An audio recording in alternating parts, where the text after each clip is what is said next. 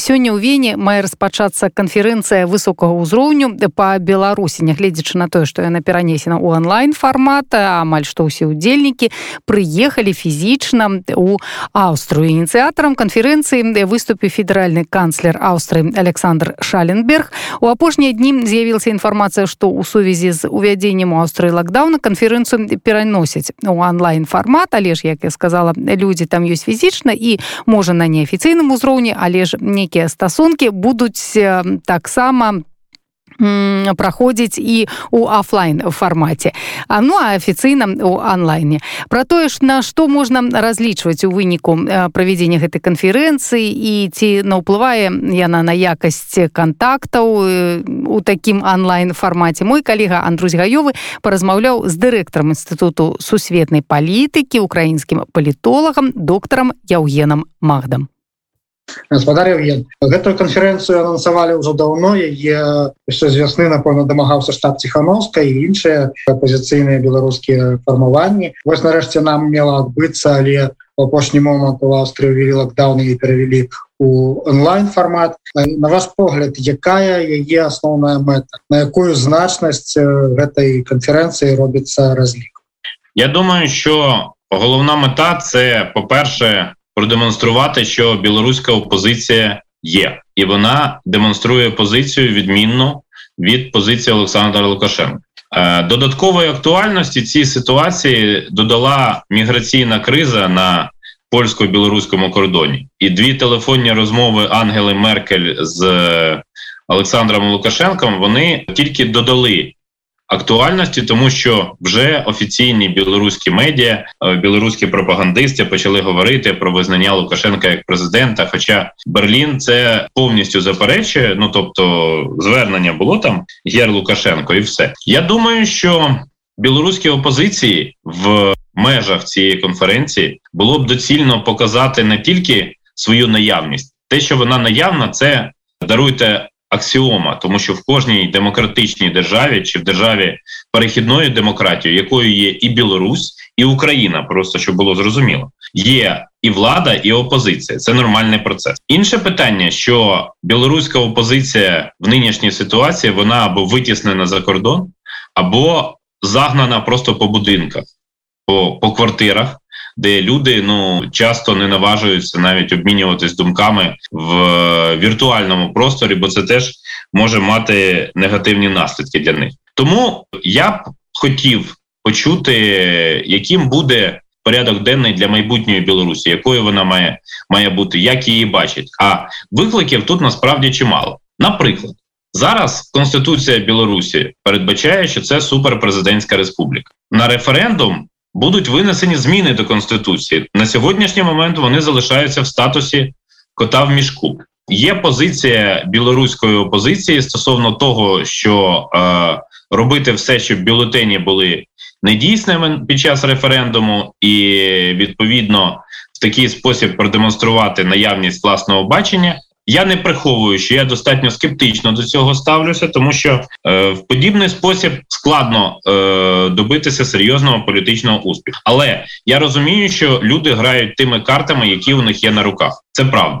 Тому е, я думаю, що треба е, ну сформувати якийсь порядок денний і з певним терміном виконання. Тобто, от білорусь білоруські лідери білоруської опозиції вони вважають, що і чим більше публічних осіб, е, які вважають своїм біло-червоно-білий прапор, а це в білоруській опозиції, до речі, далеко не всі, як я розумію, щоб вони висловились з цього приводу публічно і поставили свої підписи чи віртуально про це заявили гучно, достатньо гучно, щоб це почули в усій Європі. У назві гэтай канферэнцыі прысутнічае такое слово высокага ўзроўню на ваш погляд хто там чакаецца сярод удзельнікаў каб гэта канферэнцыя была сапраўды высокага ўзроўню Ну я думаю, що крім канцлера Австрії, який виступає господаром і ініціатором, тут бачите, який парадокс, що людина з одного боку господар, а з іншого боку оголосила про локдаун е, саме з 22 листопада. Але ну тут здоров'я своїх громадян е, це важливіше ніж все інше, і це теж уроки для і для Білорусі, і для України, в тому числі. Але ну наскільки я розумію, це можуть бути міністри закордонних справ або віце-прем'єри країн е, насамперед Бал. Балтії і країн,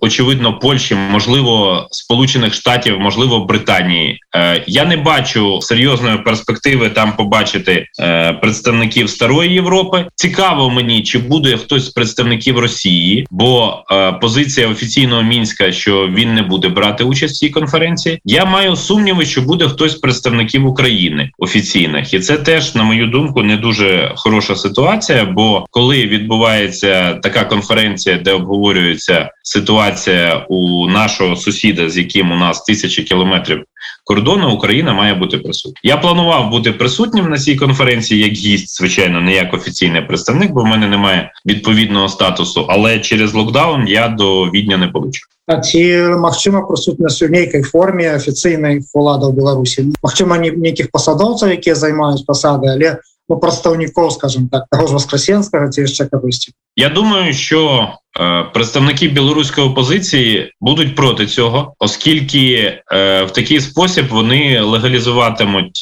е, статус тих, кого вони вважають колаборантами з режимом Лукашенка. І тому я думаю, що ну вони так би мовити замахуються на участь ну щонайменше міністра закордонних справ Владимира Макея. Ну це виглядає в усякому разі логічним, і це рівень. Ну тобто, ви ж розумієте, що, наприклад, Світлана Тихановська вона парадокс парадокс її ситуації в тому, що її ж не можуть назвати обраним президентом Білорусі, тому що немає для цього документальних підстав на сьогоднішній момент, але її сприймають як лідера е, білоруських протестів, лідерку білоруської опозиції. Проте я не думаю, що вона е, монополізувала лідерство повністю, бо є ще Павел Латушка, є інші е, представники опозиційних кіл, і вони відповідно теж, е, тобто для них теж завдання на сьогоднішній момент е, продемонструвати продемонструвати, що у них є консолідуючі моменти, важливі для всіх. Ну, але ж той же Шеленберг казав, що варто було б запросити на конференцію представнику офіційної влади. Це цілком зрозуміла позиція, тому що у австрійського бізнесу є неабиякі інтереси в Білорусі. Наскільки я знаю, найбільший мобільний оператор Білорусі, да а 1 він в належить австрійському капіталу, австрійському відповідному оператору. і це логіка міжнародних відносин. Точно так само, як ми з вами сьогодні говоримо в день гідності і свободи в Україні коли теж тут вели переговори, і за стіл переговорів з Януковичем ну весь час нам, е, тобто намагалися посадити, в тому числі і представника Росії. Пам'ятаєте, тоді ж е, міністри закордонних справ Франції, Німеччини і Польщі і російського представника хотіли, але він він тоді не захотів. А під час помаранчевої революції четвертого року тоді ж приїжджав російський представник Гризлов. Тобто, це теж ну зрозуміло у мене, як у громадянина України, скажімо, негативне ставлення до Росії, але я розумію, що Росію сприймають як фактор впливу і фактор, е, ну якщо хочете, тиску на цю ситуацію. Як на ваш погляд, ці чакається на гэтай конференції розпрацовка і прийняття яких документів, які визначали кроки європейських країн, сусідніх з Білорусю країнаў, каб Європа так само визначила як яна будзе дзейнічаць гэта будзе просто абмеркаванне ви знаєте у нас е, сьогодні відбувається віртуалізація політики але я все таки за те щоб були якісь і конкретні дії але після наприклад заяви великої сімки яка засуджує політику білоруської влади в умовах міграційної кризи ну мені здається щось складно додати тобто треба шукати якісь все таки раціональні кроки але раціональні кроки які не відіб'ються негативно на становище гроші звичайних білоруських громадян, які можуть симпатизувати опозиції. Тобто, ну ви розумієте, що заклик, наприклад, до масових протестів умовний, він буде сприйнятий кимось з ентузіазмом, кимось скептично, але не може народний виступ бути ефективним, коли частина лідерів невелика у в'язниці, більша частина за кордоном. А ну так би мовити, рядові революції чи рядові протесту, звичайні громадяни, вони в першу чергу можуть відчути на, на собі силу впливу білоруських силовиків. Я нагадаю для наших слухачів, можливо, вони цього не знають. а Я знаю в Білорусі кількість поліцейських найвища в Європі на тисячу населення. Вони ну в принципі отримують високі зарплати, вони отримують хороші соціальні пакети, і попри існування е, там руху байпол і інше, я б не сказав, що спостерігається ну такий вже масовий перехід силовиків з табору Лукашенка на до табору його опонентів. Такі випадки безумовно є, але вони все ж таки не носять такого масового характеру, який би спричинив паніку в президентському палаці. Так у сім разів вище за середньоєвропейський показчик у наскільки силовиків на тисячу насельництва. Як ви лічите, ці повпливає онлайн статусу, які перевели цю конференцію на якость стосунків? Якщо говорити чесно, то на конференціях часто головні речі, головні якісь е, перемовини, вони відбуваються в кулуарах. Тобто я не впевнений, чи Світлана Тихановська в'їде до відня завтра, і Павел Латушка, і інші, тобто чи вони будуть безпосередньо в відні, завтра подивимось. Але було б дивно, якщо конференція готувалась протягом тривалого часу, але виявиться, що вона ну потім е, не надто ефективна. Це білоруська офіційна пропаганда. Це швидко використає е, у власних інтересах. А російські друзі в лапках їй допоможуть. На ваш погляд, хто більш зацікавлений в ефективності менавіта позиція, ці так само ініціатори цієї конференції з боку європейських політиків. Ну Австрія не належить до категорії важковаговиків європейських політичних, але їй все одно треба показувати власне політичний вплив, в тому числі пану Шаленбергу, який же ж змінив нещодавно Себастьяна Курца на посаді канцлера. Шаленберг до того був міністром закордонних справ. Тобто, я думаю, що інтерес обопільний, але звичайно, що більший інтерес білоруських опозиціонерів, бо мова ж йде про їхню власне державу, а не про е, якісь інші абстрактні речі.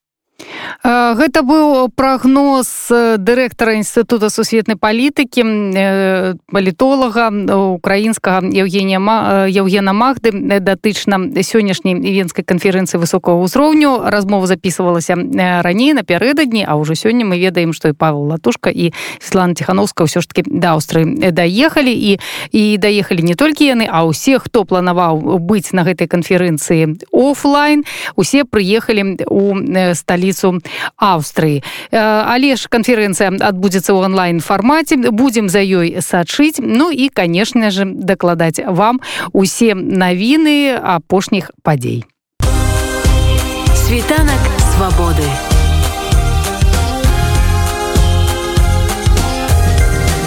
Світ вольнасці.